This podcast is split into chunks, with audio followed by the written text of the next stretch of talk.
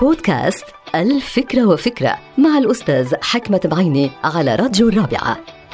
يبدو أنه معظم ما نقوم به في حياتنا من تصرفات ومواقف مرتبط بتاريخ أجدادنا وأجدادهم وتاريخ المجتمعات اللي نحن عايشين فيها والسبب يعود إلى غريزة ما يسمى حب البقاء والانتصار على صعوبات الحياة والدفاع عن الأرض وعن الحق وعن العائلة. وهذا كان ولا يزال أمر طبيعي لأنه ما جرى لأجدادنا واجدادهم من قبلهم هو اختبار حقيقي لحب البقاء. تعلموا دروس في الدفاع عن النفس والحفاظ على الأرض والعرض ودفعوا أثمان غالية لذلك. ولكن بالرغم من صعوبة الحياة آنذاك وشراسة المعارك اللي خاضوها للانتصار على الشر إلا أنهم حافظوا على قواعد وأصول الأخلاق الإنسانية اللي بتجمع البشر وما بتفرقهم. بتحافظ على بقاء الانسانيه وبتطورها. بمعنى آخر أجدادنا تصرفوا بشكل إنساني وأخلاقي. طبعا في بعض الأحيان كان في شراسة وعدائية للحفاظ على حقوقهم. لازم نحن نتذكر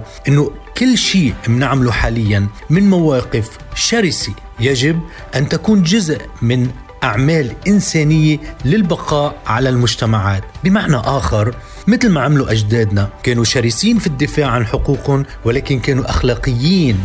كانوا دائما يقفوا في النهاية مع الخير ضد الشر. انتهت الفكرة. هذه الحلقة مقتبسة من كتاب الفكرة وفكرة.